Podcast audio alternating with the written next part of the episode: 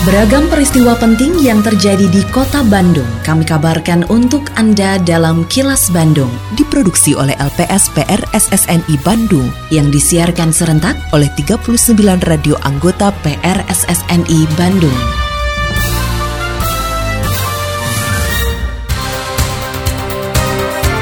Sejumlah informasi aktual kami hadirkan untuk Anda dan inilah informasi utamanya. PPKM dicabut, geliat ekonomi diharapkan meningkat. Akses tol ke Masjid Al-Jabar bakal dibuka.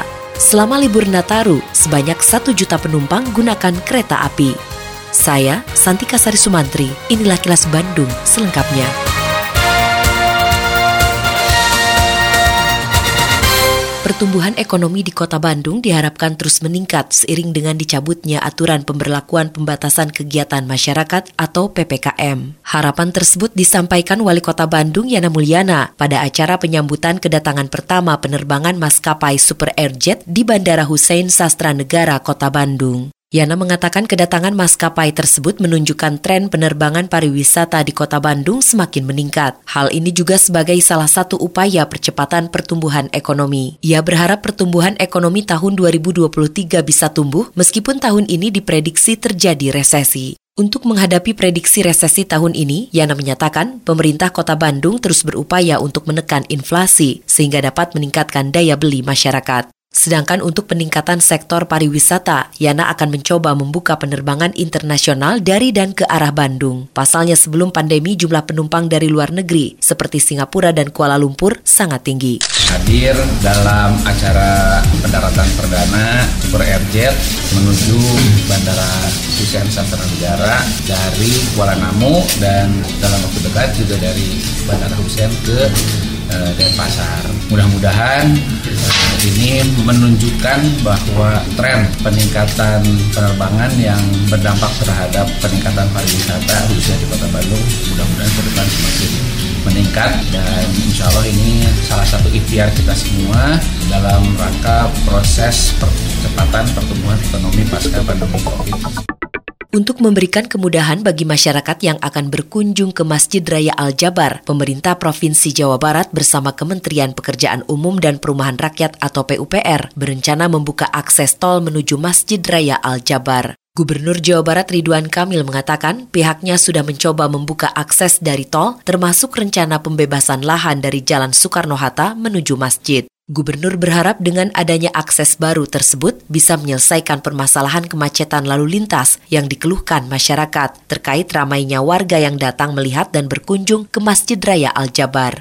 Akan dirapatkan segera minggu ini dengan Kementerian PUPR termasuk rencana membebaskan lahan di sebelah Polda supaya ada akses baru langsung dari Soekarno-Hatta pakai jembatan di atas rel langsung ke Al-Jabar dan rencana perahu sedang disiapkan. Jadi Februari lah kira-kira gitu ya. Selama Januari kami sedang mengamati, mengobservasi dinamika, semua akan disempurnakan, direspon, kecil hal besar, sehingga diharapkan per Februari, seiring dengan dibukanya museum, pengelolaan Masjid Al-Jabar sudah lebih sempurna dan tidak ada ekses negatif dari masyarakat.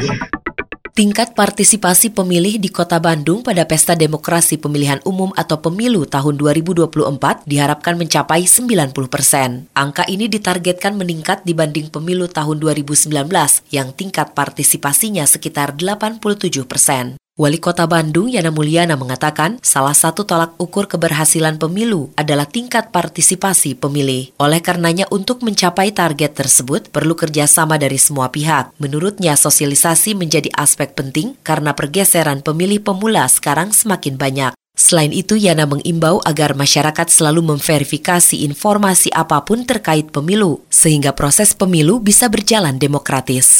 Jadi agar tetap mendapatkan informasi yang selalu cross check dan berpartisipasi karena kami berharap tingkat partisipasi pemilih di Kota Bandung meningkat dari 87% di pada saat pemilu yang lalu ya mudah-mudahan